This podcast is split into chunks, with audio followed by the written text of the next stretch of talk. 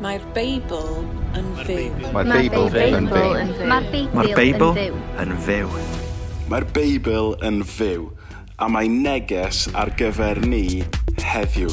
Felly dewch i ymuno yn ysgwrs. Wel, helo a croeso i'r sgwrs. Diolch am ymuno heddiw. Fi di Steff. Fi di Jos. Da ni'n mynd i parhau hefo Sgwrs dan y Beibl, bywyd a fi. Jos, ti'n gwybod y jingle ar y dechrau? Ie. Yeah. Mae'r backing track yn rili really atgoffa fi o Love Island. Ti'n be, o fi ddim eisiau deud o pan ysdi paratoi fo, ond mae'n swnio union fath o Love Island. Fel... Ti'n cofio pan ysdi cael dy approachio i bod ar Love Island? Ie, yeah. trydydd blwyddyn o, o brifysgol, ges i'r profiad hollol weird na, o'n i erioed i gweld y raglen o blaen mi. A... Has it? Ges i neges gan ITV, um, o'n i eisiau galwad ffôn. Um, Ie, yeah, so bywyd i edrych yn wahanol, dwi'n meddwl, Steff, ond um, o, bellach. Fyswn ni ddim yn ffrindiau. Fyswn ni ddim yn ffrindiau. Um, ni ddim yn paratoi plannu eglwys reit rwan. Dwi'n gwybod, ond mi oedd ffrindiau fi yn, yn brifysgol, ni'n byw efo grwpio hoci a rygbi, so chdi gallu dychmygu, oedd nhw wrth i bod efo fo. Um, oedd nhw'n... Mei, oedd nhw'n trio perswadio fi wneud o achos o'n nhw fel dychmyga'r platform, dychmyga'r influence. You could be an influencer preacher. A ni fel, oh, disaster. Life goals, hashtag Steve Furtick. Dwi ddim angen yna. a Mae'r shots yn dod allan gan Steff yn barod. Um, Hwna Wel. Um, heddiw, dyn ni'n mynd i trio siarad am sut dyn ni'n cadw aros mewn cymuned pan dyn ni gyd yn hynna'n ynysu. Um, yeah. A dyn ni wedi dechrau'r sgwrs yma. Oedd o mor neis cael uh, ngharod y llir, Cem a Cynan a Siwan a Delyth efo ni trwy dweitha. Ie, yeah, oedd o'n amazing. Fel gyntaf mor real, fel babi yn crio yn y cornel um, ffôn rhywun yn mynd off, uh, wi-fi yn llan uwchlyn yn stopio, just dyna ydy real ynda. It's life, it's life. Um, Josh, ti'n ti people person, ie? Yeah. Mm -hmm. yeah, na, dwi dwi yn. Mae pawb yn apo fi. Dwi'n sori dros Lydia, fel... Dwi'n siŵr ti'n person mor frustrating i byw efo ar hyn o bryd.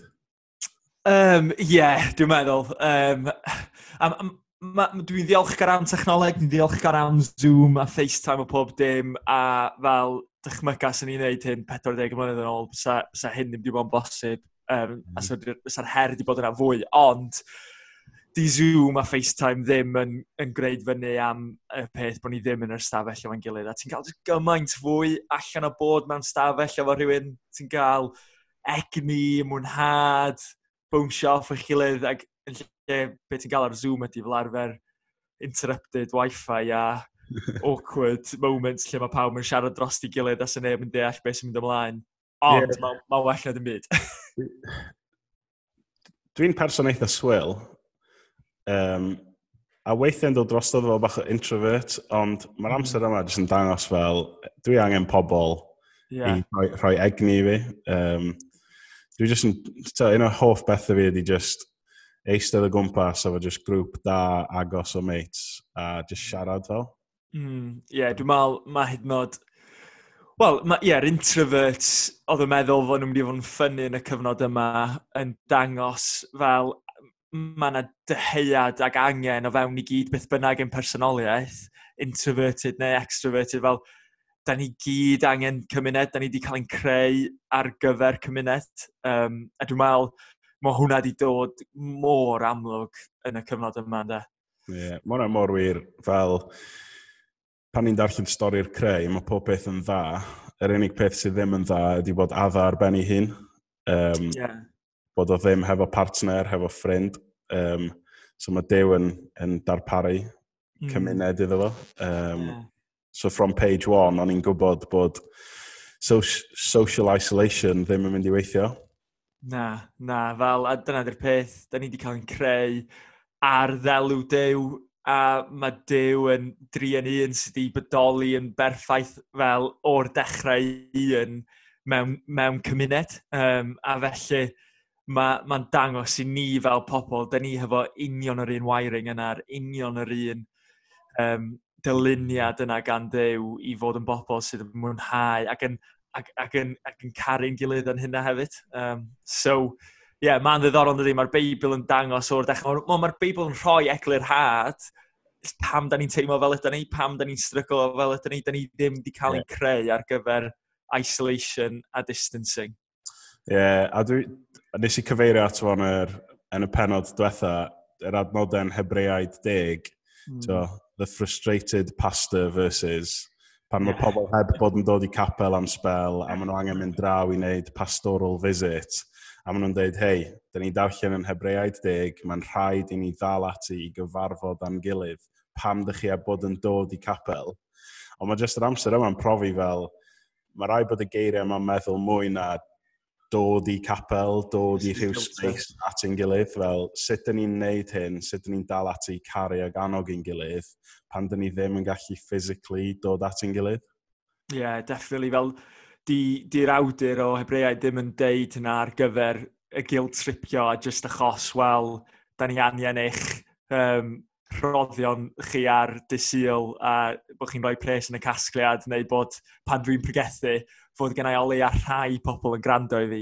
Fel, ddim dyna oedd pwrpas uh, yr awdur, fel mae yna rhywbeth gymaint fwy yn mynd ymlaen yma, gymaint syfnach. A dwi'n meddwl eto fel dyma pam mae Dyw yn hangos pethau dyn ni'n y cyfnod yma fel um, yeah. mae ma, ma cymuned, a cyfarfod, fathau teulu fel eglwys fel yn, yn ofnadwy bwysig. Dyna, dyna oedd yn gael yn ogol yn dda, Steff, hyn oed clywed yn yr um, uh, yr penod dwythar ni'n neud efo Cyma Cynan yn rhannu yn ofnadwy ymarferol sut mae eglwys nhw yn Cynarfon, Carsalem yeah. yn fanna, di bod yn ymateb i hyn a di bod yn hollol fwriadol yn sicrhau hyn oed os da ni ar wahân, da ni ddim yn mynd i adael i hynna stopio ni rhag bod yr eglwys.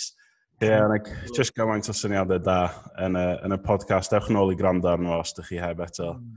Ond um, ti o Hebreaid 10, dwi'n meddwl hwn oedd fel Introduction Joshua Harris yn y llyfr Stop Dating the Church. Dwi'n gweld yeah. os ti'n darllen y llyfr fel, falle probably dylen ni ddim mynd lawr the Joshua Harris route wow. these days.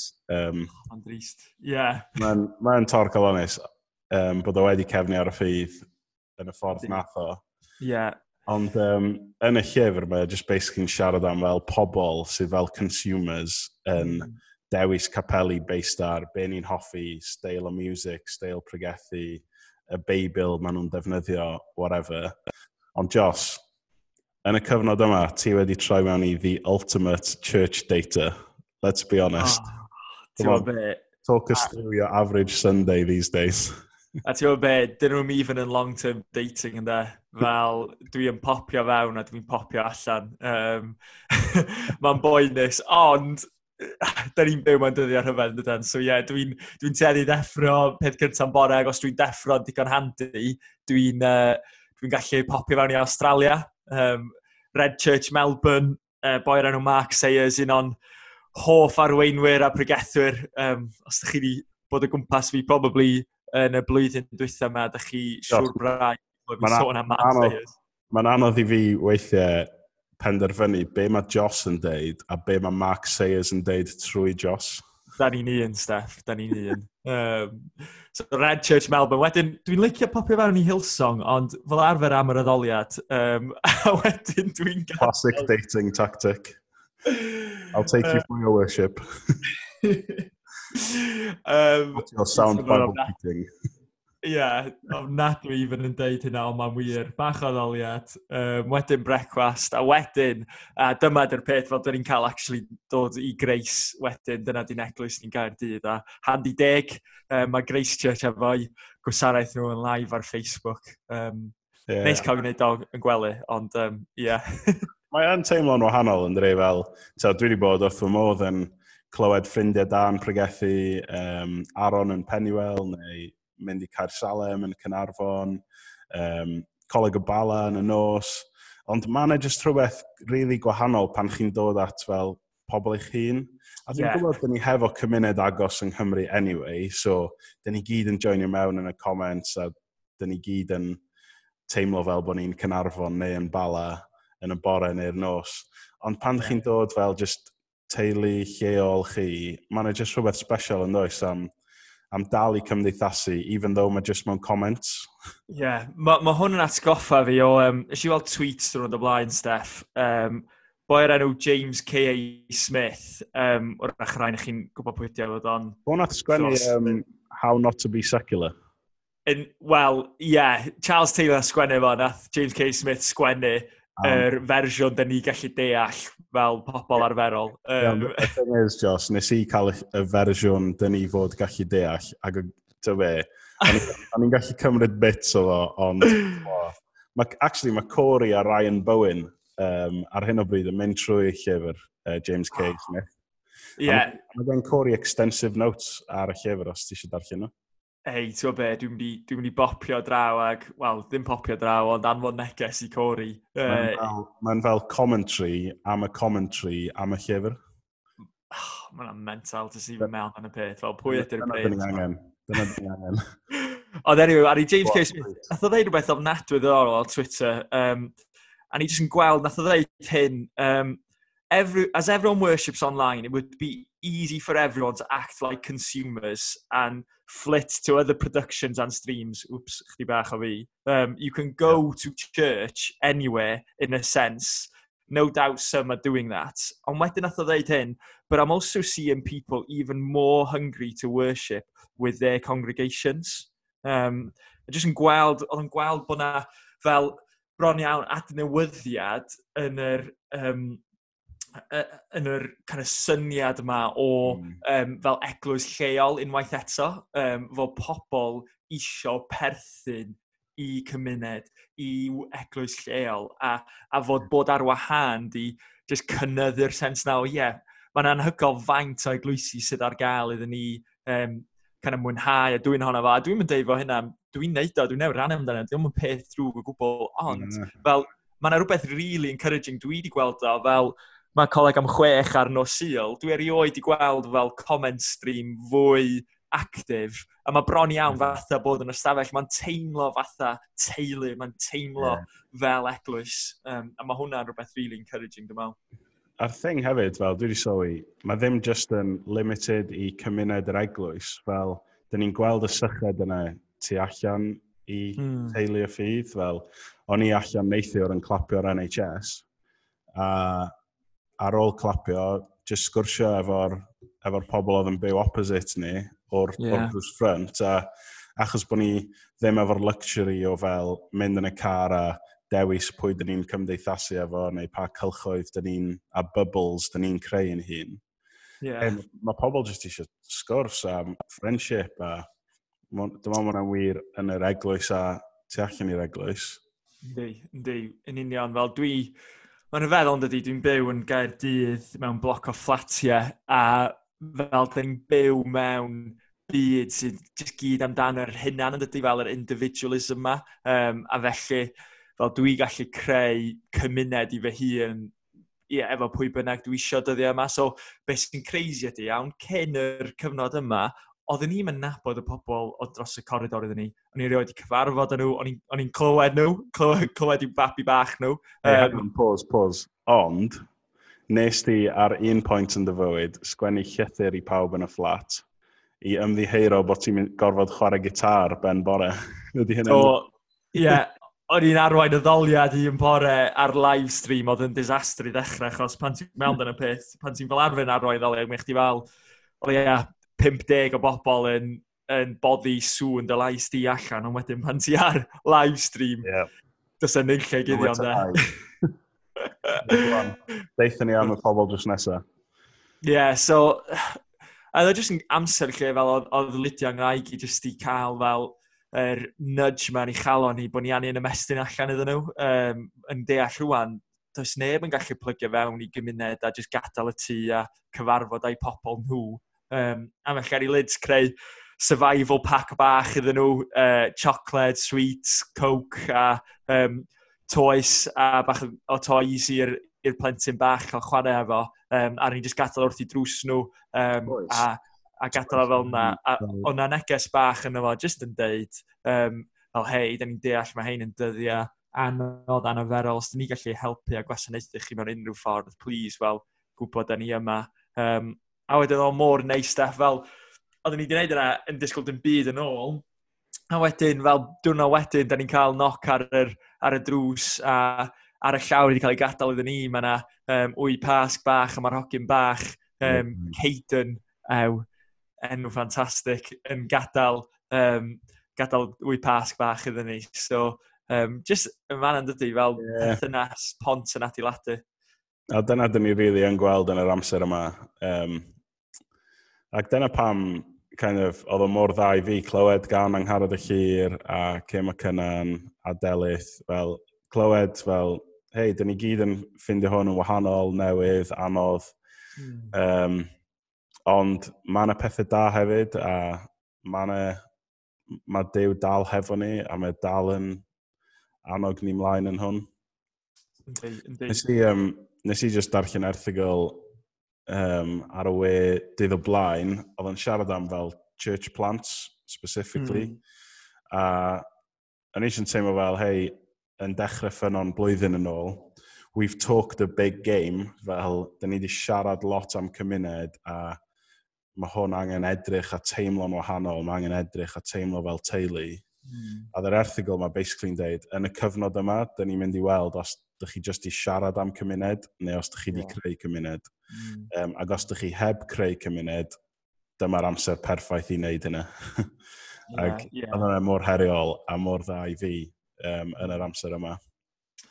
Yn rhyfeddol, ar ni ddechrau um, cyfres yn greis cyn hyd yn oed yr, yr amser yma fel gwybod fo hwn yn dod. Um, ar i Owen dechrau cyfres yn 1 Corinthiad 13. Um, A mae'r stori tu ôl yn rhyfeddol, achos o'n i'n gwybod o gen Owen fel bwriadau gwahanol ar gyfer wneud cyfres hollol wahanol. Ond wedyn atho, jyst teimlo fel ysbryd dew, jyst yn pwysau arno fo yn dweud, na, 1 Corinthiad 13 ydy lle dwi eisiau ni fel Grace Church mynd. A, a jyst yn meddwl amdano pa mor fel um, yeah, arwyddocaol ydy hwnna ar gyfer yr amser da ni yn, achos yn amlwg 1 Corinthiad 13 ydy fel y penod enwog na yn y Beibl am gariad. Ti'n probably wedi clywed o mewn rhyw briodas um, rhyw ffordd neu gilydd, a mae pobl wrth i bod e'n gwrando yna fo, ond wrth i ni drafeilio trwy yr, yr penod yma, dwi wedi sylweddoli pa mor punchy ydi o. Fel, di o ddim yn just penod lyflu a dan gariad, ond mae o'n her ofnadwy. Fel... Hmm, punches. Yn union, fel, ydy ni just, just yn talking the talk, neu ydy ni actually yn byw allan yr hyn da ni'n gredu. A dyma be mae Paul yn deud ydy, fel gallai wneud hyn i gyd, fel siarad iaith yn ylion, gallai proffwydo neu plymio dirgelion dyfnaf neu wybodaeth i esbonio popeth. Da ni'n sôn chdi bach amdan yr big brains o'n, um, on byd ni. Um, ond on mae'n deud, a hyd yn oed, gallai fod yn fodol i rhannu'r cwbl sydd gennau efo'r tlodion, um, a marw dros y ffyd. Pethau fel di hein, mae hyn yn pethau anhygoel, yeah, yeah. ond, os, ond heb gariad dwi'n ennill dim. Dwi'n mm. meddwl, dyna fel y Paul yn deud fel, heb gariad dwi'n ennill yeah. dim. A dwi'n meddwl, mae hwnna'n gair fel i ni fel eglwys, fel um, yeah. hwn ydy'r cyfnod iddyn ni stepio fyny a bod yn gariad. Ai, dyn, dyn ni wedi bod yn mynd trwy llythyr arall Paul y Philippiaid, a mae hwnna'n cael ei adnabod falle fel llythyr am fel llawenydd Paul. Um, ac wrth gwrs, llawenydd o yn Iesu ac yn y newyddion da am Iesu, ond yn penod da i mae o'n deud, gnewch fi'n wirioneddol llawen, make my joy complete.